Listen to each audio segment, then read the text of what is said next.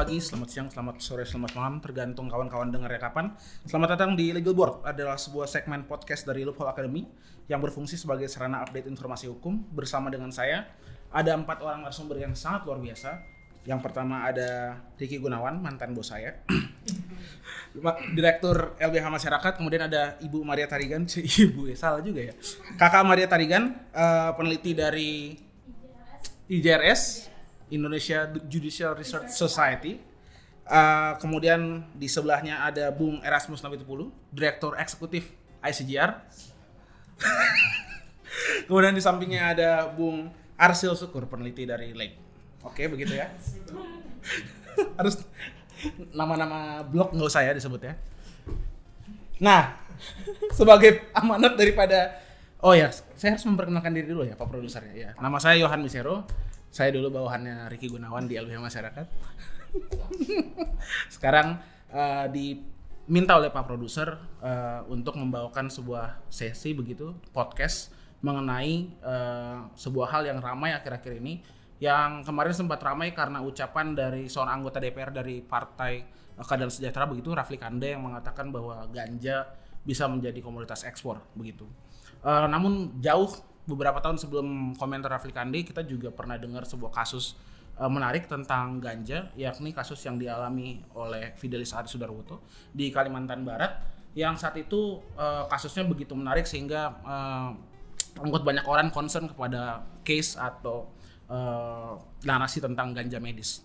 Nah, kita akan mulai dengan Bu Maria dulu karena karena kayaknya nama Bu Maria nih eh, semakin naik ketika skripsinya yang kemudian waktu itu di interview oleh Bapak Direna Rayana mendapatkan puluhan ribu watts kalau nggak salah pada saat itu. Kira-kira apa sih membuat waktu itu Bu Maria masih mahasiswi kan ya? Kemudian memutuskan untuk kemudian me- me- menulis tentang eh, ganja medis terutama kasus Fidelis pada saat itu. Oke, sebenarnya waktu eh, di awal tuh aku belum punya ketertarikan secara khusus ke isu ganjanya, lebih kepada rasa kemanusiaan sih kalau bisa dibilang seperti itu. Karena kan di dalam kasusnya narasi yang dibawa terutama di media itu kan adalah eh, Fidelis menggunakan ganja untuk mengobati istrinya. Dalam perkembangannya memang setelah diberi eh, pengobatan atau perawatan dengan ganja eh, ada eh, apa ya?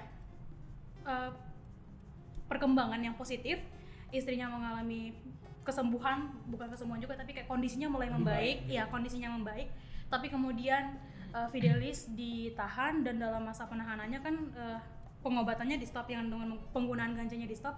Dan uh, ya seperti yang sudah kita tahu bagaimana uh, cerita akhirnya. Dari situ sebenarnya uh, saya tergerak untuk lebih mengkaji sebenarnya sifat melawan hukum dari ganja itu sendiri bagaimana. Kalau seandainya digunakan untuk pengobatan terutama dengan melihat bahwasanya ya kondisinya sudah jelas bahwasanya di sini ada kondisi penyakit yang kemudian ada uh, perkembangan yang baik lalu mengapa masih harus dipenjara itu yang kemudian membuat saya tergerak untuk menulis itu. Dan ke- kebetulan memang di ACC oleh dosen pembimbing. Jadi uh, bisa saya ini.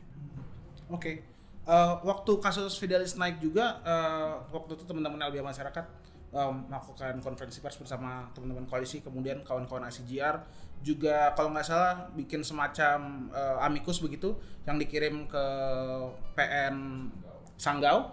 Eh, itu gimana kemudian kasus itu eh, di, di posisi kawan-kawan masing-masing memandangnya? Ya kalau dari LBH Masyarakat sendiri kan kebetulan eh, hostnya yang menginisiasi konferensi persnya waktu itu Em, karena jelas satu di Undang-Undang Narkotika em, memang ganja karena dia masuk narkotika golongan satu dilarang untuk kepentingan kesehatan. Eh, tapi kan undang-undang yang sama juga menyebut asas keadilan, juga menyebut asas kemanusiaan, juga menyebut tujuan undang-undang narkotika untuk kepentingan penyediaan memastikan ketersediaan narkotika untuk penyediaan dan kesehatan. Jadi cukup jelas kasus Fidelis itu eh, kontradiktif dengan eh, intensi undang-undang untuk memastikan ketersediaan eh, narkotika untuk kepentingan kesehatan. Di samping itu, kalau kita misalnya melihat ke konvensi narkotika yang selalu juga dirujuk oleh pemerintah Indonesia ketika bicara kebijakan narkotika, eh, konvensi juga bilang eh, konvensi itu hadir untuk memastikan kesehatan, kesejahteraan umat manusia. Nah, pelarangan narkotika dalam hal ini kasus di Fidelis adalah ganja untuk kepentingan medis itu eh, pengingkaran terhadap eh, intensi atau niat undang-undang narkotika maupun konvensi narkotika. Makanya kita eh, konferensi pers dan mendorong eh, hakim atau pengadilan untuk mau melakukan terobosan hukum di kasusnya Fidelis.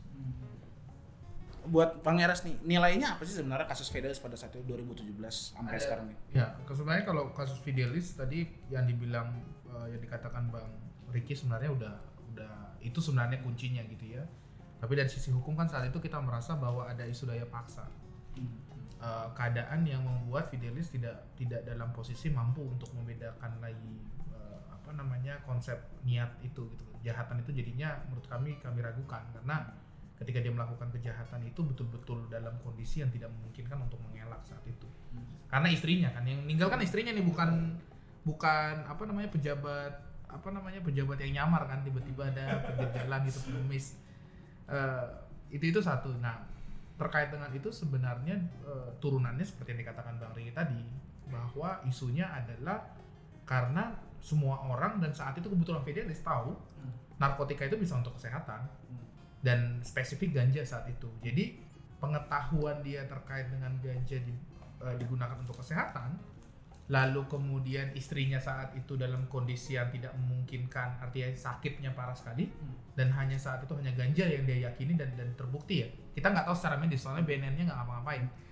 Eh, apa namanya BNN-nya nggak ngapa-ngapain, Kementerian Kesehatannya nggak ngapa-ngapain gitu ya. Eh, saat itu nggak tahu ngapain ya dalam kondisi terpaksa begitu bagi kami harusnya Fidelis nggak boleh dipidana jadi eh, kita nggak dapat apa-apa dalam kasus Fidelis sebenarnya jadi kita menolak ilmu pengetahuan kan memperpanjang kebodohan kan. Jadi itu aja yang terjadi dalam kasus Fidelis. Jadi kita memperpanjang kebodohan aja. Nah siapa yang memperpanjang? Saya takut dipidana penghinaan. Jadi silakanlah pemirsa. Pemirsa meskipun saya bawa kuasa hukum saya di sini ya. Jadi silakan teman-teman yang sendiri yang menerjemahkan itu. Lah Kan nulis lupus lah ya. Apa tadi itu? Kandes lupus kamu. Waktu kasus Fidelis sendiri kalau kita bisa nge-refer ke kasus itu karena kasus itu sepertinya cukup besar untuk kemudian membangun gelombang narasi positif tentang ganja medis.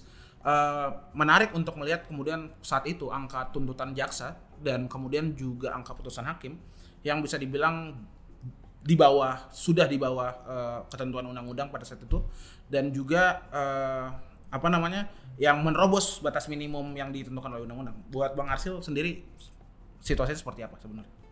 Ya sebenarnya itu menunjukkan kejak- kejaksaan sendiri dan pengadilan itu juga nggak terlalu mau menuntut ya. Nah, tapi eh, saya nggak tahu apakah tuntutan itu yang cukup rendah itu itu diajukan karena sudah ada tekanan sebelumnya, ada eh, eh, rame sebelumnya di media dan di sosmed atau eh, atau memang dari awal atau memang tuntutan itu udah muncul sebelum ada keramaian itu. Tapi saya duga sih itu karena ada ada ada apa namanya? Ada tekanan media, tekanan publik lah itu ya soal dari kasus itu karena eh, kalau dilihat dari kasusnya kan di atas kertas itu sebenarnya eh, dia cukup banyak ya. Dia menanam eh, yang kalau dalam kasus-kasus normal itu akan pidana mati gitu. Mungkin mungkin pidana mati. Jadi ya sangat mungkin itu tuntutan itu rendah ya karena tekanan publik. Itu kasusnya nggak kasasi kan? ya? dan itu salah sangat jarang eh, ya satu sangat jarang eh, apa eh, perkara narkotik di mana dia bu- bukan penyalah bukan pengguna dituntut di bawah minimum apalagi dengan jumlah yang situ. Itu memang eh, eh, anomali. Dan diputusnya juga di bawah itu? Pidana bersyarat ya? Enggak enggak di bawah tuntutan jaksa juga 8 Delapan bulan. bulan. Bulan. 8 bulan gimana apa apa yang bisa kemudian sebenarnya tanda-tanda apa yang bisa dibaca dari eh, pertama dukungan publik yang begitu besar pada saat kasus Fidelis angka tuntutan yang juga tidak besar dan putusan yang juga tidak besar apa yang bisa ditangkap sebenarnya dari dari dari kasus ini menurut kawan-kawan gitu ketika nampaknya support publik tuh cukup besar untuk kasus ini gitu Eh, kalau saya sih kebetulan saya agak cukup terhormat untuk bisa ketemu dengan Fidelis. Lalu kemudian pada saat saya tanya dengan dia perasaan dia bagaimana, sebenarnya ada ya saya nggak bisa mewakili Fidelis tapi yang interpretasi saya adalah dia merasa eh, tersinggung dan, dan marah sebenarnya. Bukan karena dia dihukum tapi menurut dia eh, ya kalau kamu kalau ini ini bahasa saya ya, kalau lu merasa gua salah gitu ya ya hukum gua seberat-beratnya. Tapi kalau kamu merasa saya benar kenapa saya harus dihukum 8 bulan bagi dia 8 bulan itu Penghinaan. penghinaan eh, ya ancam pidana tinggi saja gitu nah ya bagi saya yang bisa dilihat adalah ini sudah depan mata gitu Hmm. ini sudah depan mata tidak bisa dielakkan lagi pilihannya kita mau cari tahu gitu ya kita mau belajar dari kesalahan atau tetap tetap eh, jatuh ke lubang yang sama aja gitu gitu Hmm. aja terus dan kasus Fidelis itu kan satu dari sekian banyak kasus yang Hmm. mirip-mirip sebenarnya Benar. gitu dan yang paling penting kan bagi kita eh, dari dari melihat dari kasus Fidelis itu kan menunjukkan inkompetensi dari negara. Sebelum kasusnya diputus negara bilang wah itu tidak ada penelitian ganja belum bisa dibuktikan bahwa dia bisa digunakan untuk kesehatan bahwa dia bisa digunakan untuk obat kata menteri kata menteri kesehatan saat itu. Di pengadilan salah satu alasannya hakim menjatuhkan putusan ringan itu karena digunakan sebagai kesehatan Hmm. jadi hakim menerima fakta bahwa Fidelis punya tujuan untuk kesehatan. Per- berarti kan pertanyaannya sekarang antara emang Fidelis eh, sorry antara memang ganja itu betul-betul berhasil dia hanya dihukum karena regulasi atau yang kedua ya kita cuma mau menghukum orang aja Hmm. gitu loh. Jadi nggak nggak nggak penting-penting amat benar atau enggak gitu. Itu yang kemudian ditanyakan Fidelis sebenarnya dan itu yang bagi saya harus dijawab. Jadi benar nggak sih Hmm. istrinya Fidelis itu se- bukan sembuh bahkan ya maksudnya ya tidak istri yang membaik lah kehidupannya membaik karena ganja benar nggak sih kepada siapakah kita harus menanyakan ini gitu? itu kan yang jadi eh, persoalan gitu. Kita nggak dapat jawabannya. yang nggak dapat BNN nggak ngapa-ngapain Kemenkes nggak ngapa-ngapain makanya saya bilang kalau BNN begitu mah ya jadi jadi balikin aja lah kemenangannya ke polisi Hmm. habis ngabisin biaya negara menurut saya jadiin polsek gitu kan Ada beberapa tambahan sih. yang pertama, kalau apa mereka yang mendengarkan podcast ini membaca pledoinya atau pembelaan pribadinya Fidelis eh, di kasus itu, itu ada satu eh, pemerhati penulis saya lupa siapa namanya dia menyamakan dengan itu surat cinta Romeo ke Juliet. Jadi em, itu Romeo Juliet modern dan Indonesia. dan simpati publik begitu besar di kasus ini yang itu em, kalau di kasus narkotika lain simpati itu tidak ada. Em, publik bilang oh ya syukurin lo eh, kena tangkap kasus narkotika dan sebagainya. Yang eh, simpati yang seperti ini itu jarang sekali. Jadi kalau kita scroll baca komen-komen netizen gitu yang biasanya maha benar kalau di di artikel-artikel online itu mereka meng- me- apa, mengecam eh, hakim eh, penegak hukum mendukungnya Fidelis. Yang kedua di kasus eh, yang serupa juga, misalnya kasus narkotika yang lain juga itu biasanya simpati publik lebih ke selebriti atau figur publik. Dan itu sementara ini Fidelis orang biasa PNS pula jauh dari apa keramaian ibu kota bukan di Jawa di Kalimantan di kota kecil. Em, tapi orang-orang masih memperhatikan kasus seperti ini em, dan biasanya kan yang yang yang menarik simpati publik kalau kasus orang biasa itu kayak misalnya dulu nenek Mina yang apa mencuri kakao untuk kebutuhan hidup dan sebagainya. Yang yang yang yang dekat dengan keseharian. Tapi ini kan kasusnya eh, ganja untuk medis yang yang mungkin nggak terlalu familiar di banyak kuping o- orang awam. Tapi setidaknya ini membuka percakapan lebih lanjut sih di, di publik bahwa satu ganja ternyata mungkin memang punya manfaat medis. Pun tidak pun kita tidak tahu itu kan yang harus dicari tahu juga. Yang harus dibuka ruangnya untuk penelitian em, dan tidak dikunci eh, mengatakan itu tidak bisa untuk kepentingan medis. Dan yang kedua eh, fakta bahwa ada kasus-kasus eh, untuk kemanusiaan penggunaan narkotika untuk kepentingan kesehatan kemanusiaan itu juga membuka eh, apa mata banyak orang. Narkotika tuh bukan cuma buat hura-hura buat menghancurkan diri. Yang hal-hal ini yang mungkin juga orang jadi lebih lebih tahu sekarang Em, kalau dilihat dari putusan hakimnya juga sebenarnya kan eh, dalam fakta persidangan yang telah diperoleh hakim sebenarnya hakim sendiri mengakui bahwasanya ada dampak dari pemberian ganja kepada istrinya di mana hakim mempertimbangkan bahwasanya pertama Fidelis sudah melakukan segala cara segala jenis perobatan mulai dari rumah sakit bahkan sampai pengobatan alternatif hakim mengakui bahwasanya Fidelis sudah tidak punya cara sehingga akhirnya dia menggunakan ganja. Dan yang kedua, hakim sendiri mengatakan bahwasanya dalam putusannya bahwasanya memang ada perubahan kondisi dari istrinya setelah diberi ganja. Pada akhirnya putusan ringan itu sendiri juga kalau dari pertimbangan hakim didasari oleh rasa keadilan, keadilan katanya. Walaupun ya keadilan sendiri, keadilan sendiri itu akan bisa diperdebatkan, sangat bisa diperdebatkan. Dan hal ini juga yang menurutku me- bisa menarik eh, simpati publik. Bahwasanya ya kalau seandainya pada saat istri Fidelis diberi ganja tidak ada dampak apa-apa dan kemudian ditangkap, apakah reaksi publik akan serupa?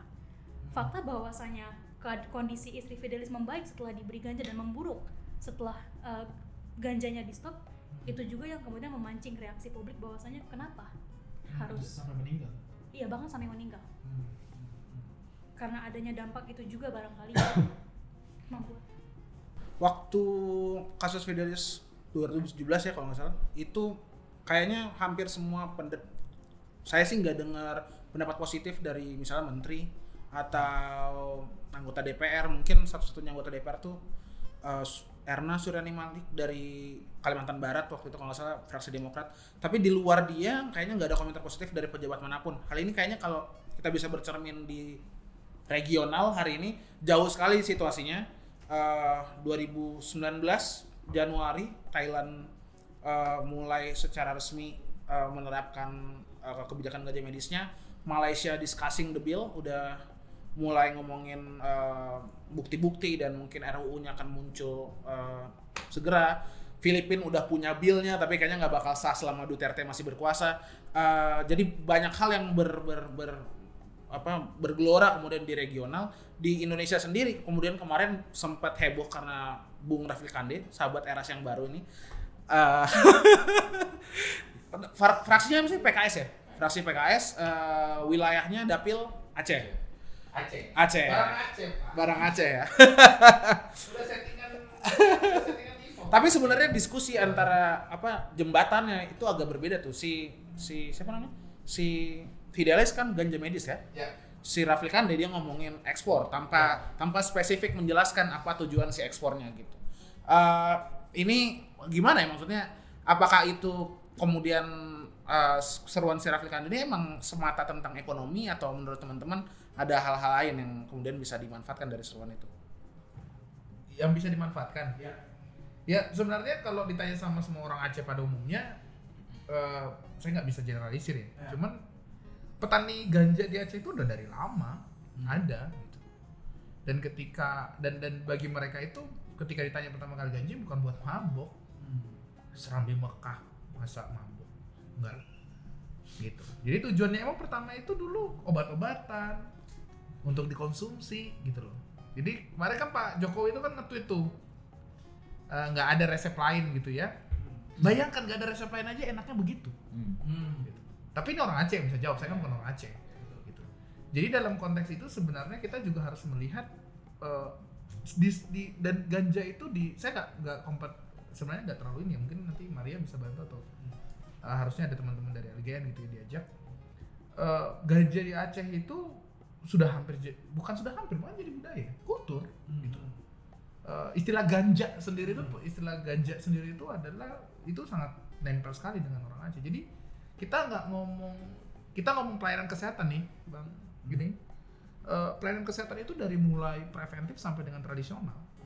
Dan di Aceh itu digunakan untuk tradisional untuk obat-obat eh, tradisional gitu. Jadi eh, dia kan tanaman bukan apa namanya mutasi atau mutan gitu ya tiba-tiba muncul ke dunia dibawa alien gitu kan. Dititip ke mana gitu. tahu ya di bawah ini apa? enggak. Nah itu saya penasaran sih. Itu juga harus dicari tahu itu sebenarnya. Gitu. kenapa bisa? Janganlah jangan dikenal nggak baik. Nanti dituduh mengajak. Silakan pak. Apa? Arsil mungkin bisa menjelaskan pengalaman Iya, Oh, Hah? Ya sih, gue sih mau itu kutipan si Bob Marley itu aja. Uis, anak anak ini beda. Kalau kalau ganja itu eh, apa ilegal, ya di mana pohon itu sendiri, ya itu pohon itu ya, maka berarti kita mengakui Tuhan hilaf, Masya Allah. menciptakan satu tumbuhan biasa. yang dilarang sama Sekali. luar biasa Produser mohon dipertimbangkan ya di upload bagian yang tadi. Oh, tapi tapi enggak itu tapi Karena dia eh, bukan itu, rekayasa, bukan iya. seperti Iya, paham. apa heroin atau apa segala macam yang dibuat. Ini kan tumbuhan aja, tiba-tiba tumbuhan itu dilarang hidup. Hmm. benar Gitu. Yang itu adalah ciptaan Tuhan kan itu ya, Hmm. yang nggak diapa-apain lagi. Tiba-tiba dilarang nggak boleh itu. Ya kalau Kenapa nggak konteks aja sekalian kan itu ya? konteks eh, ekspornya kan sebenarnya tidak bisa dilepas dari dia lagi eh, dia lagi rapat dengar pendapat dengan Menteri Perdagangan kan ketika Ah. itu di DPR. Betul. Jadi ya konteksnya ekspor. Hmm. Eh, bisa jadi dia mau mengekspor ganja Aceh bisa jadi kita nggak ada yang tahu Nggak niatnya ya. gimana Nggak gitu tahu. kan. tapi ladang Aceh terkenal gitu kan, luas dan sering dibakar tapi tetap ada aja gitu kan. Itu fakta yang sulit terbantahkan. Eh, tapi fenomena bahwa di negara lain, terutama di Asia Tenggara yang terkenal dengan kebijakan narkotika yang keras, tapi di beberapa negara seperti sekalipun Filipina ada RUU-nya itu kan nunjukin eh, khusus yang narkotika jenis ini nih itu ada ada perkembangan yang berbeda dengan eh, narkotika jenis lainnya. Mungkin ya itu juga balik ke yang tadi Arsi bilang ini kan tanaman, mungkin pada prinsipnya dia tanaman. Em, dan di negara lain juga itu sudah banyak digunakan untuk eh, medis, eh, bukan hanya untuk medis, ada juga yang misalnya apa? Tekstil. Ya, tekstil, bikin kertas, baju, tekstil sih keset, paling sering ya tekstil em, Coklat. terus eh, coklat juga ada di Eropa, skincare, Skincare. eh, hemp Hemp. oil, cannabis oil itu kan banyak banget. Jadi em, dulu saya pernah bicara sama teman saya ini, saya oh kalau sekarang Eh, masih teman. Oh, iya. Sekarang maksudnya apa nih, Bang? lebih dari teman. tolong konteks konteks Eh, jadi dulu saya bilang kalau kalau gua bawa cannabis oil dari Inggris ke Indonesia ketangkep kayaknya di Soekarno Hatta. Nah tapi kemudian kan nggak Bilang nggak lucu kalau direktur gua kesandung perkara skincare. tapi, tapi kan sekarang bukan direkturnya lagi Eh makanya berarti dia bisa bawa dong kan temen. oh iya Nah, jadi jadi apa fenomena ganja sebagai sebuah eh, produk eh, bukan hanya kese- kesehatan tapi juga produk lainnya yang memang mungkin bisa diekspor itu ya realita di banyak negara. Kita ini masih menutup mata atau enggak sih sebenarnya itu aja po- poinnya. Waktu kayaknya beberapa minggu lalu tuh dua minggu lalu eh, Ibu Maria keluarin lama-lama gue panggil Bunda Maria nih salah salah Mbak Maria kemarin eh, ngeluarin tulisan di Conversation atau Vice kalau nggak salah yang kemudian mengutip beberapa hal terkait eh, keuntungan ekonomi di beberapa negara yang udah eh, apa punya industri ganja di pandangan eh, Kak Maria sendiri seperti apa? Em, ini dari, berdasarkan dari tulisan yang udah aku tulis juga. Yang pertama berkaitan dengan ganja medis, eh, aku secara khusus mungkin bercermin ke Belanda karena kan Belanda bahkan sampai punya biro sendiri dalam kementeriannya yang mengatur tentang eh, ganja medis. Eh, dengan kebijakan ini bahkan yang aku baca yang dan yang akhirnya aku tulis dalam artikelku, eh, Belanda kemudian berhasil memonopoli ekspor eh, ganja di Eropa. Lalu eh, aku juga mengambil beberapa contoh di California, Colorado, di mana bahkan eh, industri ganja berhasil menyelamatkan salah satu kota di Colorado yang dulunya sempat ada di ambang kehancuran dalam tanda kutip. Iya, karena eh, mereka dulu bergantung pada industri besi. Kemudian industri besinya bangkrut, kotanya ada di ambang kebangkrutan juga. Tapi kemudian mereka eh, mempertimbangkan untuk beralih ke industri ganja dan kotanya selamat sampai sekarang. Itu. kita udah lihat nih di berbagai eh, belahan dunia tapi yang mungkin karena contohnya paling banyak di Amerika Serikat gitu ya dan sekarang lagi bergelora di Asia Tenggara teman-teman dalam posisi gimana? Percaya diri nggak kalau sooner or later it will come to this country? Gitu. Apanya nih? Tentang regulasi ganja medis mungkin secara spesifik. Oh atau Ya, masih banyak hal-hal yang ya di luar mana mau jadi target operasi silakan. Saya sih percaya itu tidak terbendung sih. tidak terbendung ya? Regulasi ganja medis akan tiba waktunya lah cepat atau lambat. Em, ya akan tiba waktunya nanti misalnya Kemenkes BNN studi banding ke Thailand mungkin. Em, jadi nggak ada alasan itu kan barat dan sebagainya. Em, terus ya kalau nanti Malaysia semoga dengan perubahan rejim ini tidak memutar balik kebijakannya tapi kalau mereka juga maju dengan kebijakan ganja medisnya ya ya Malaysia yang juga mayoritas Muslim eh, mengadopsi itu seandainya mereka bisa lakukan kenapa Indonesia tidak? Gitu misalnya kalau mau pakai argumen agama. Em, tapi di di negara lain yang juga non Barat gitu misalnya kayak Uruguay juga mereka eh, apa legalisasi ganja untuk medis dan dan itu ada pengaturan yang ketat. Dan sekali lagi eh, untungnya dari tadi kita bicaranya regulasi ya. Jadi eh, kayaknya legalisasi itu pun punya konotasi negatif. Kesannya pakai di pinggir jalan pesta bau ganja nanti kalau lagi naik gojek itu tiba-tiba bau ganja gitu kan. Tapi kalau regulasi ya kita atur secara ketat kita pastikan siapa yang boleh beli eh, berapa banyak dosisnya untuk apa dan nggak boleh sembarangan. Itu itu regulasi Kalau kalau saya sih gini, kalau saya sih suka bahasa Dira ya. Ngomongnya pemanfaatan, regulasi dan pemanfaatan. Jadi kita nggak nggak mau eh, apa namanya penyalahgunaan dan lain-lain ya pemanfaatan gitu.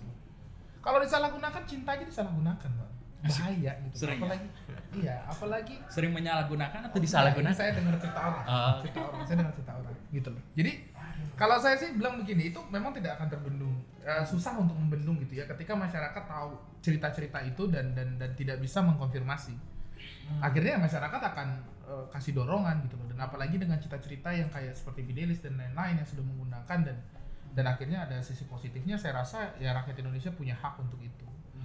Tapi kalau ditanya sama saya siapa yang paling menolak eh, untuk kemudian pemanfaatan eh, tumbuhan ini, bagi saya itu cuma dua. Satu itu adalah mereka yang senang dia jadi pasar gelap, unregulated market.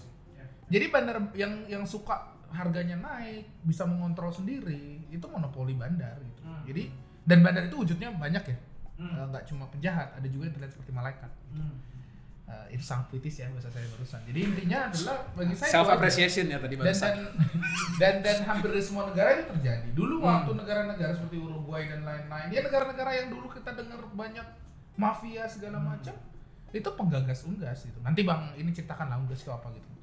Dan dan Hafiz. iya Hafiz dan itu penggagas unggas. Karena apa mereka sudah sadar bahwa yang diuntungkan paling diuntungkan dengan eh, apa namanya unregulated eh, market itu adalah bandar gitu. Nanti mungkin ini kan ada ngomongin RU Minol tuh eh, segala macam kita bisa bahas di situ gitu. Dan yang kedua adalah yang paling diuntungkan itu adalah perusahaan-perusahaan besar, salah satunya farmasi. Anda bayangkan kita sekarang punya masalah dengan contohnya ya, contohnya ya, kayak dulu waktu isu HIV/AIDS dan lain-lain. ARV itu mahalnya minta ampun. Kita selalu telat.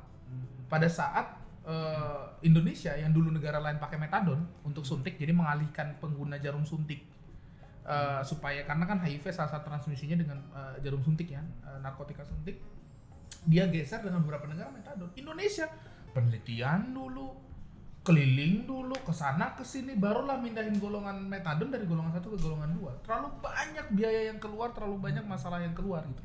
Dan akhirnya kita akuin juga berguna.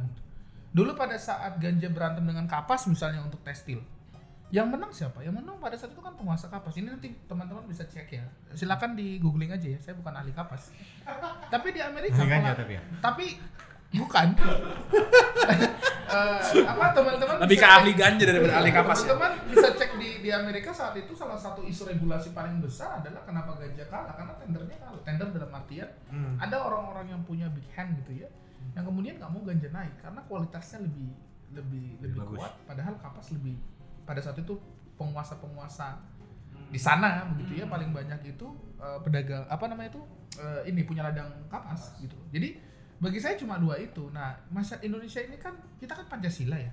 Apa nyambungnya? Dahsyat. Intinya itu sih. Apa? Tolong tolong gue pengen Ada ek- padi dan kapas. Tolong ras gue pengen ekspor yang itu ras.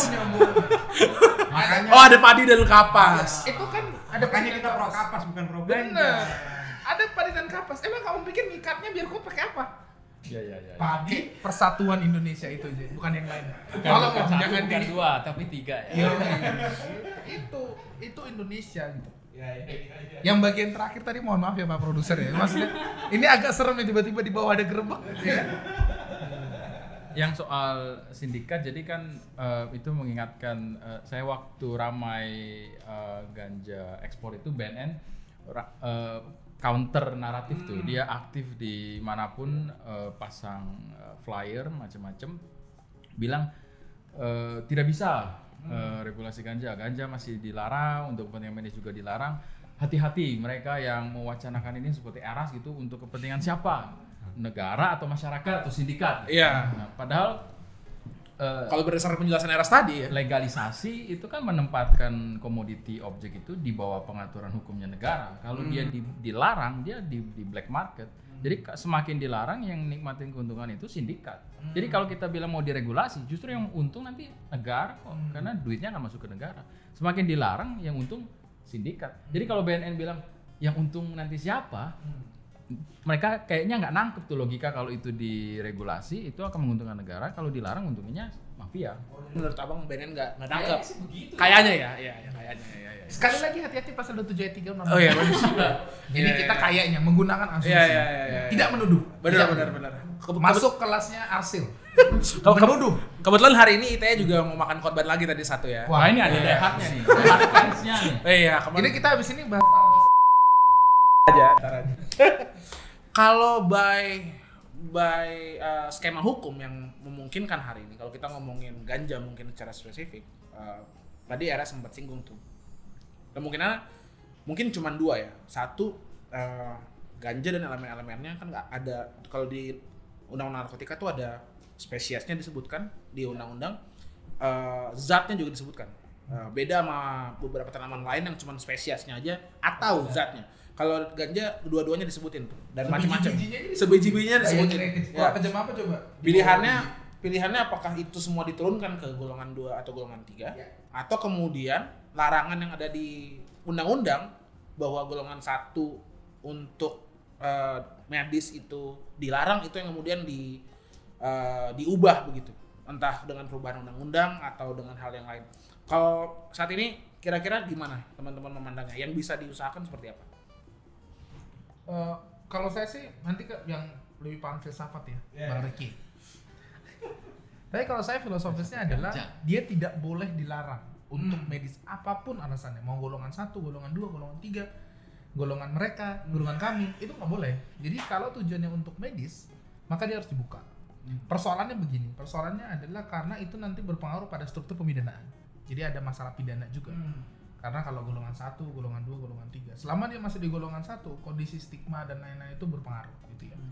Jadi kalau kami, ya kalau kita mau keras, kalau kita mau jujur-jujuran sih, eh, ada beberapa negara bahkan udah cabut dia dari penggolongan gitu loh. Karena ya, ya tumbuhan, lu mau ngapain?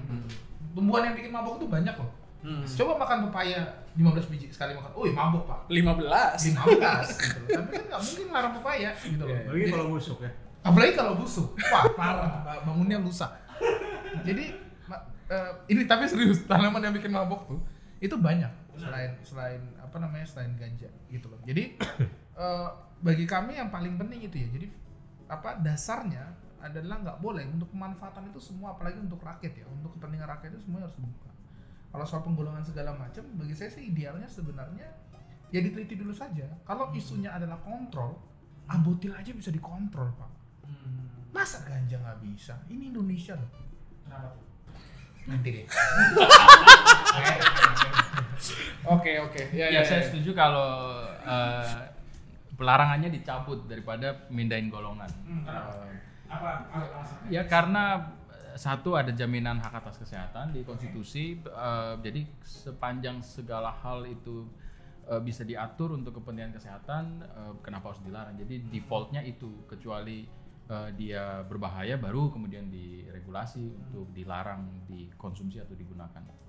Tapi eh, fakta bahwa kalau kita semakin eh, apa menutup mata kemudian pokoknya nggak mau tahu itu kayak apa sikap yang justru bertentangan dengan semangat perkembangan ilmu pengetahuan karena eh, waktu ramai kemarin lagi waktu apa eras di Rossi di Kompas TV itu kan kesannya ini kan negara-negara ngapain kita ikut-ikut negara lain? Ini kita kedaulatan negara dan sebagainya. Padahal ini kan bukan soal ngikutin tren negara lain ini soal ngikutin tren ilmu pengetahuan yang mungkin dulu belum banyak perkembangannya tapi sekarang udah banyak bukti-bukti yang kredibel yang valid nunjukin bahwa na- ganja memang punya manfaatnya gitu untuk kanker untuk epilepsi untuk apa pun. Dan itu kenapa nggak mau ditengok sih? Untuk nengok aja tuh nggak mau. Itu kayak nunjukin eh, sifat membabi buta menolak eh, pengetahuan anti pengetahuan itu berbahaya banget sih kalau buat apa kalau kita ngatur ke hukum dan kebijakan tapi anti pengetahuan. Saya- Waktu Ya, saya setuju. Tap- eh, eh, apa mau dilegalkan atau apa segala macam. Tapi sangat pesimis itu akan terjadi. Masalahnya ini bukan soal departemen kesehatan atau kementerian kesehatan lagi, bukan soal kesehatan itu. Tapi terlalu banyak pihak yang terlibat di situ kan. Terlalu banyak yang diuntungkan dari proses itu. dari situasi yang dari situasi yang ada itu untungan itu macam-macam ya. Contoh gimana kalau kita lihat sekarang? Nah, karena dampak dari itu adalah ba- banyak yang berkurang nih. Misal BNN ya polisi itu. Karena pekerjaannya dalam tanda kutip ya nggak dalam tanda kutip lah itu akan berkurang gitu. yang kalau kita lihat sekarang itu salah satu kasus yang paling tinggi kan? Ya. ganja itu paling tinggi. Di semua pengadilan atau semua daerah kasus paling tinggi itu itu nah ini ketika satu jenis ini hilang dari dari jenis pidana itu itu akan merubah eh, apa namanya itu semua tuh. Hmm. dan itu sangat menakutkan itu yang menurut saya itu yang mem- membuat sulit untuk menakutkan bagi mereka yang mengambil untung dari situasi ya, hari ini gitu bukan secara ilegal lah gitu ya, Hmm. tapi paling enggak kan ini. ini berarti ada pengurangan jumlah orang di dalam di dalam institusi itu Hmm. jumlah apa anggaran dan segala macam itu itu dampaknya salah satunya ke situ mungkin depkes atau dokter dokter mungkin setuju tapi masalahnya ini bukan soal itu lagi gitu ya yang dari situ saya lihat eh, eh, kita kayak belum lagi nanti apa isu agama apa segala macam Hmm. itu tercampur baur. Hmm. eh, gitu. Dengan situasi kita pemerintahan kita yang dari dulu juga nggak pernah berani ngambil langkah yang yang apa ya agak kontroversial. Hmm. eh, itu jarang lah gitu ya. Nggak cuma pemerintahan ini doang gitu dari dulu dari dulu itu jarang. Jadi ini satu isu yang apalagi kalau udah kaitannya sama dosa haram apa segala macam itu kan Hmm. sangat riskan gitu ya. Dan itu akan mengganggu itu politik jadi yang paling mungkin kita akan melegalkan eh, apa menurut saya ketika semakin banyak negara lain yang melegalkan Hmm. jadi tekanannya bukan internal bukan di dalam tapi dari internasional Hmm. gitu Oke, oke. Em, ketika tadi eh, misalnya teman-teman lumayan sepakat nih kayaknya nggak boleh, kayaknya yang saya tangkap nih nggak ada zat atau tanaman yang kemudian boleh dilarang oleh undang-undang selama dimanfaatkan untuk kesehatan gitu. Eh, tapi di sisi lain pasti di luar sana ada yang ngomong kayak ya kenapa harus ganja sih masih banyak buat lain gitu misalnya. banyak dong kayak lo Udah, ya kan misalnya kayak gitu. Kenapa tapi ada dan Ada. dan skema skema nge, skema dan yang kedua skema mengubah eh, skema mengubah si eh, bahwa nggak golongan satu boleh dipakai semuanya itu kan nggak cuma ngomongin ganja kan ya kita akan ngomongin banyak zat lain gitu misalnya. nah itu gimana untuk menjawab kira-kira krit- kritisasi semacam itu dari masyarakat tadi ya diatur aja gitu. Ini saya kasih contoh ya, paling gampang ya pemirsa di rumah ya. asik. Cuma Dulu. di rumah doang nih Oh iya benar, yang di rumah, yang di Di Gojek. di busway, Gojek dan di MRT. MRT. Kamu gitu ya. Kita break sebentar. Kita break. Enggak, lanjut nih ya. Lanjut nih. Jadi eh, saya tadi kasih contoh apa ya? Ah iya, abotil. Saya ka- selalu saya bawa contoh abotil karena apa? Sering. Karena dulu karena dulu Iya, dulu saya sering sariawan. Gitu ya. Jadi dulu sering sariawan di Bandung tuh kan dingin, kering gitu ya. Oh, iya, iya, Jadi iya, sering iya. kegigit gitu loh. Oh. Eh, enak sama diri sendiri ya. habis itu kecanduan loh kecanduan abotil. Jadi waktu itu supaya cepet, karena saya suka menyiksa diri dulu, itu langsung kasih tetes abotil. Hmm, atau kumur-kumur segala macam. habis putus gitu ya Oh, jangan dibahas lah bang. Ah. Nah, cuma masalahnya begini, eh, lalu sehat gitu loh. Beda sama kalau makan apa? Lama banget. Eh nggak boleh nyebut merek. Oh iya, tolong di endorse ya. gitu. Jadi jadi saya pada saat itu pakai abotil. Nah, setahun lalu, tahun lalu ya, tahun lalu itu kemudian ada berita mengatakan bahwa abotil itu nggak boleh digunakan lagi gitu. Jadi sekarang saya susah banget cari cari sakau ya sakau Sakau. Sakau abotil. Sakau abotil. Iya, aduh BNN susah banget sakau abotil. Nah, Harus cari substitusinya. harus cari substitusinya. Nah, pertanyaan saya begini. Kalau abotil bisa dikontrol, zatnya abotil kan masih ada sampai sekarang. Hmm. Kalau saya mau pak, mau bikin bisa. Saya mau buat bisa. Saya mau jualan boleh. Tapi kalau saya jualan abotil, dilarang negara kan karena tidak sesuai dengan eh, mekanisme peredaran obat dan makanan dan segala macam logikanya sama sama ganja gitu jadi waktu itu saya kita bingungnya gini orang bilang wah nanti kalau udah di, dibikin bebas eh, disalahgunakan segala macam ya penyalahgunaan itu penyalahgunaan gitu loh pemanfaatan itu pemanfaatan jadi kenapa kemudian itu dibikin logikanya jadi kalau seakan-akan kalau pemanfaatan maka penyalahgunaan diperbolehkan gitu. gitu. Gak usah jauh-jauh masih banyak kok contoh pemanfaatan dan penyalahgunaan. Saya teman-teman beli motor aja. Coba lo beli motor kerjaannya nabrak-nabrakin Iya. anak orang. bisa gojek bisa begal gitu ya Iya, lu pakai buat ngebegal segala macam. Apakah ketika lu pakai ngebegal berarti motor Dilarang. dengan sendirinya dilarang? Enggak. Jadi bagi saya itu dua logika yang berbeda. Kalau kita mau manfaatkan, ya dimanfaatkan. Kalau dalam kondisi itu Anda merasa bahwa itu masih berbahaya, sehingga dia perlu dikontrol, sehingga dia perlu apa namanya eh, di- diregulasi dengan ketat, nggak penggunaannya bisa dipidana, ya silakan. Sedikit lagi, misalnya contoh alkohol paling gampang di Indonesia. Kita punya pidananya. Anda kalau misalnya orang mabuk, udah mabuk dikasih cokokin pidana lagi, KUHP itu dilarang, diancam pidana. Tapi hari ini kalau kita mau minum-minum di di sini, dipidana nggak? Enggak. Bebas-bebas aja. siapa mau pidana bang Eras juga kayaknya polisi dia Janganlah, jangan, jangan, jangan, berani. Gitu. Jadi logikanya adalah kita boleh pemanfaatan untuk alkohol, kita bisa minum bir alkohol segala macam. Tapi kalau anda menyalahgunakan pemanfaatannya, anda dipidana. Logika itulah yang disebut dengan regulasi. Bayangkan kalau alkohol nggak diregulasi hari ini, gitu loh. Cokokin orang bebas-bebas aja. Anda minum nggak tahu berapa persennya, gitu ya orang mati gitu loh. Karena apa? Minum alkohol dicampur baygon eh campur apa autan segala macam. Karena apa? Nggak diregulasi. Tidak tidak terawasi. Tidak terawasi. Kalau anda minum bir nggak mungkin sa- apa namanya itu? Bukan saku apa sih namanya? Istilahnya? Overdosis nggak mungkin. Anda minum bir 4,8 persen tuh di kalengnya udah sebutin 4,8 persen anda minum satu kaleng itu nggak mungkin ususmu kebakar nah tapi kaleng itu kalau anda belinya dari di bawah jembatan segala macam yang kita nggak tahu kandungannya anda minum mati. Bisa juga nggak bisa. Nah itu itu logik logik yang sama. Jadi kalau ngomong pemanfaatan pemanfaatan penyalahgunaan ya ngomongin yang penyalahgunaan. Kalau orang awam yang ngomong kita bisa paham. Tapi kalau yang ngomong nggak bisa bedain pemanfaatan sama penyalahgunaan itu datang dari mereka-mereka yang biasa baca aturan. Siapa tuh? Yang biasa wah pertanyaan yang biasa mengeksekusi aturan yang biasa bikin aturan maka saya cuma bisa komentarnya self censorship tadi ya teman-teman. Tadi kata soalnya tadi prosedur eh, produser sudah bilang iya iya ini tidak bisa di cut. Iya iya.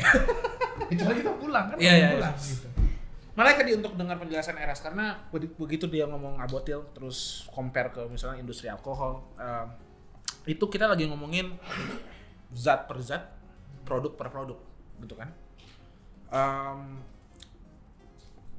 sempat kita dengerin bahwa mungkin eh, di Rossi juga sempat dia ngomongin eh, waktu Panji menginterview di Rana Arena juga sempat diomongin bahwa ada keinginan dari kawan-kawan masyarakat sipil yang terhormat yang ada di ruangan ini untuk kemudian mengajukan eh, itu Dio Dio Oh, Dio itu ya? Iya, Dio Asar Wicakana Dio Asar. Polisi ya iya di Asar tuh dari IJRS IJRS ya? dia iya Dio Dio kantornya di mana tuh Pak kalau boleh tahu? di apa Kalibata Kalibata ya, Dia sekitaran Kalibata. banget kan sudah menjurus kan Ya benar benar benar. Jadi mesti hati-hati sama Dio Asar itu ya. Dio Asar Iya. Wicaksana Tolong rekan-rekan penegak hukumnya dicatat. iya tolong Iya. catat Nah, jadi ada ada ada, ada keinginan dari kawan-kawan masyarakat sipil yang dipimpin oleh Dio Asar tadi ya untuk kemudian eh, mengajukan upaya eh, judicial review ke Mahkamah Konstitusi terhadap undang-undang narkotika yang ter- terutama pasal-pasal yang melarang pemanfaatan golongan satu untuk eh, medis. Ini bisa dibenarkan atau seperti apa nih? silakan kuasa hukum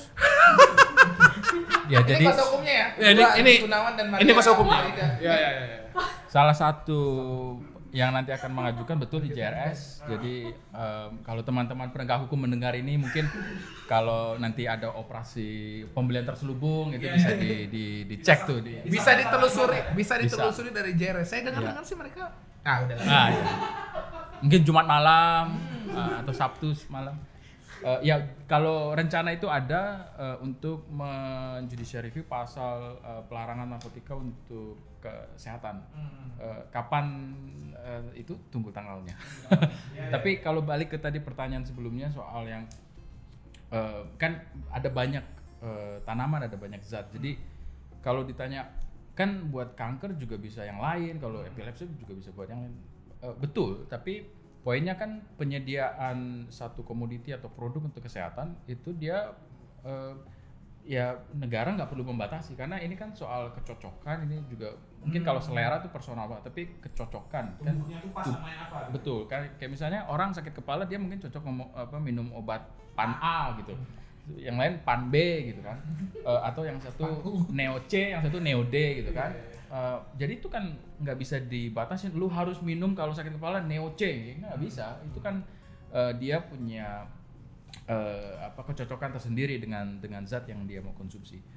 Dan juga soal eh, zat-zat yang lain gitu opium atau apa pun selama itu dia eh, untuk kepentingan kesehatan kan narasi bahwa zat itu buruk itu manusia yang melekatkan. Jadi zatnya sih nggak buruk zatnya kita zatnya nih nggak punya moral buruk moral moral baik. Kita yang melekatkan ke ke zat ini dia buruk.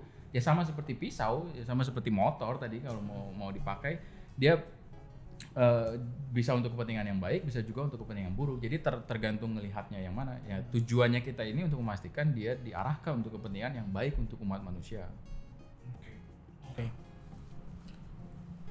Bu, selaku kuasa hukum gimana? Ada tambahan mungkin? Sudah diwakilkan. Sudah diwakilkan ya. Hati-hati kalau. Kita dengar apa kata dia. pesan-pesan berikut ini Iya, iya, iya. Saya rasa penting ini. Orangnya ada di sini kayaknya. ada ada. Eh, saya bermaksud bukan itu saya itu. Kan eh, upaya teman-teman ini kemudian akan dilakukan via eh, Mahkamah Konstitusi. Eh, seberapa percaya diri mungkin teman-teman kalau bisa ditanya tentang kemungkinan eh, suksesan atau narasi yang positif dari upaya teman-teman di Mahkamah Konstitusi ini. Percaya diri itu satu-satunya yang kita punya. Gitu ya? Oh iyalah. Sisanya sombong. Sisanya sombong. gitu. Jadi tubuh kita ini 70% air, 30% percaya diri dan kesombongan. Karena kalau kita yang bikin undang-undang, kalau Iya, kita iya. pemerintahnya, bagi kami ya, ya kami sudah melakukan penelitian dari awal. Tapi karena kita ya namanya ya harus percaya diri ya Bang Ki. ya masa maju untuk tujuan kalah kan Iya. nggak lucu Harus beda ya. Harus pede. soal hasil ya serahkan kepada yang maha kuasa ya. Ya kalau harapan kita sih menang. Ya kalau enggak ya tolonglah dibantu gitu. Tapi kalau katanya IJRS punya ini ya. IJRS ya, IJRS eh, tetap akan di depan Iya, untuk iya, iya. mengawal ini semua ya. Gitu yang paling penting.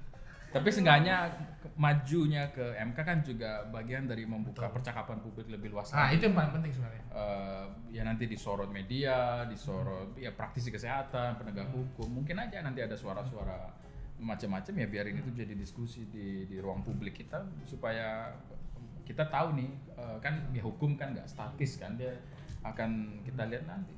Eh, apa simpati publik ada atau tidak atau kecaman atau bagaimana terhadap posisi seperti ini. Karena paling nggak cukup terbaik kalau saya salah, saya nggak pernah lihat inisiatif semacam ini di regional dalam artian ASEAN maupun Asia. Yang saya pernah lihat eh, misalnya South Africa itu via Supreme Court, Ya. eh, Georgia di Ya. Eropa itu juga. Tapi kan orang Thailand nggak mungkin ke MK. Oh bukan itu maksudnya, sorry maaf. maaf. Dia kudeta melur. South Africa bisa. Iya, tapi kok orang Afrika Selatan tadi bisa ke MK? Ini just kidding ya teman-teman. Produsernya yang keluar soalnya.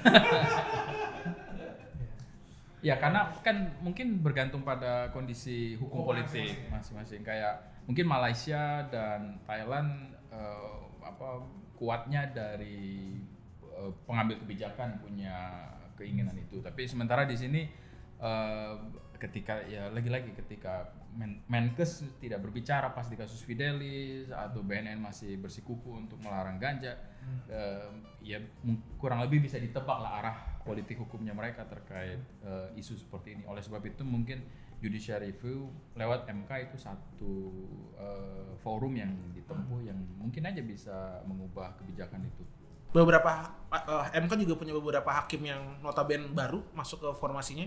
Mungkin harapannya juga bisa punya perspektif yang eh, menarik juga terhadap eh, apa upaya yang Bagi teman-teman. kami sih yang paling penting itu bukan sekedar meyakinkan hakim, ya, tapi membuka perdebatan pentingnya ilmu pengetahuan itu tadi. Dan ka- kita memilih eh, panggung Mahkamah Konstitusi karena eh, ya di situ kan terbuka ya. Terbuka media bisa eh, liput lalu kemudian kita bisa lihat gimana sih pemerintah melakukan respon gitu ya. Pertanyaan-pertanyaan yang mungkin selama ini nggak terjawab eh, oleh pemerintah gitu kan. Jadi eh, ya saya rasa inilah layak untuk di yang paling penting kan layak dicoba dan ini kan nafas panjang bang Yohan Eh, nafas panjang kan anda sebagai anggota dari LGN kan juga paham ini ini kan nafas Makasih loh. jadi tadi TO-nya dua ya, dia. Nah, jadi ini nafas panjang sebenarnya. Hmm. Mungkin tadi kayak Bang Bang Arsil bilang eh, benar secara realistis ini jauh dari yang berat, jauh dari yang diharapkan. Tapi ya tadi eh, masuk akal kan. Eh, dorongan luar internasional untuk penting itu kan bagus. Siapa tahu nanti ini menginspirasi eh, teman-teman di luar gitu ya untuk kemudian melakukan hal yang serupa gitu. Jadi saya rasa masyarakat dunia harus bersatu ya untuk melakukan gerakan bahwa ya jangan sampai kita eh, apa ditindas oleh sesuatu yang kita ciptakan sendiri gitu. Hukum kan diciptakan manusia. Lalu kenapa kata-kata itu jadi dewa? Itu aja sih. Bang. Siap, siap. Itu tadi mestinya ini ya, apa? Closing statement ya. Oh, udah udah habis nih. Mungkin eh, penutup mungkin teman-teman harapannya untuk eh, upaya teman-teman sendiri atau kan ini kan upaya yang di, di push publik nih ya kan? Sebenarnya kan kalau mau jujur ya bisa aja DPR yang mulai sendiri atau Kemenkes yang mulai sendiri gitu misalnya. Tapi kan kita nggak lihat itu. Mungkin sebagai closing statement ada harapan tentang situasi terutama pemanfaatan narkotika atau ganja secara Ya, Kalau saya sih semoga teman-teman ini berhasil ya di MK khususnya Kadio. Dewasa. Kadio Asar Ucaksana itu bisa berhasil lah di Mahkamah Konstitusi. Saya rasa itu aja. Dan dan kalau saya sih terakhir eh, sama. Eh, kalau dari saya itu menolak pengetahuan ilmu pengetahuan itu kita memperpanjang kebodohan. Jadi eh, bodoh kadang-kadang boleh gitu loh. Tapi kalau udah tahu tapi Tapi masih pakai takaran. tapi pakai takaran betul. Jangan udah kelewat bodoh masuk tweet. Masuk masuk tweet. Arsil lu hati-hati lah saya saya itu bang Arsil Apa? Lagi minum. lagi Lo udah kelar toh? Nah. Apa? Ah, ya belum dulu gue sih dukung Dio lah pokoknya. Pokoknya Dio. yang penting. Dio lah. Nah. Ya kalau mungkin seandainya nanti kalah di MK, mungkin next step advokasi kita ya Dio jadi BNN 1 sih ya. Nah. Ya. saya rasa itu yang ya itu paling realistis sih sebenarnya realistis ya untuk saat ini ya untuk saat ini yang paling realistis adalah mendorong dia menjadi BNN BNN 1. satu ya. Cawang 1. Cawang satu daerah Cawang di Ingosan Ini dari tadi Bang Dio IJRS, Bang Dio. Kayak Oh Maria cemburu. Maria cemburu. Berarti mendukung Maria jadi BNN Dua. dua dan dua Cawang 2. Coba Kalian ada apa ini? Oh, Yes. Waduh, waduh, waduh, waduh, waduh, waduh. Gimana, Mar? Oke, em, tadi seperti yang dikatakan oleh Bang Riki, terlepas dari apa pun hasil dari judicial review ini, yang diharapkan adalah terbukanya ruang diskusi, terutama mengenai pemanfaatan ganja untuk medis. Yang aku harapkan eh, dampaknya akan sama atau setidaknya menyerupai dampak kasus Fidelis. Walaupun mungkin secara kasus tidak sama, tapi dampak yang ditimbulkan adalah sama. Bahwasanya masyarakat akan kembali memperdebatkan, mendiskusikan tentang potensi penggunaan ganja untuk medis. Seperti yang dibilang oleh Bang Arsul juga, pesimis mungkin karena jalannya masih sangat panjang. Eh, menarik tadi karena ada disebutkan juga soal metadon, kemungkinannya ganja juga akan mengalami jalan yang sama. Ya, harus ada penelitian berulang kali, harus ada keliling ke sana ke sini, tapi harapan itu tetap ada. Oke. Terima kasih untuk keempat pembicara kita yang sangat luar biasa. Bang Riki, Mbak Maria, Bang Eras, Bang Arsil. Terima kasih telah berkunjung ke Lupa Academy. Sampai jumpa lagi. Jangan lupa bagi para pendengar untuk juga mengecek online course yang dibuat oleh Pak Produser sendiri eh, di Lupol Academy dengan mengunjungi website Lupol Academy di www.lupolacademy.com. Sampai jumpa.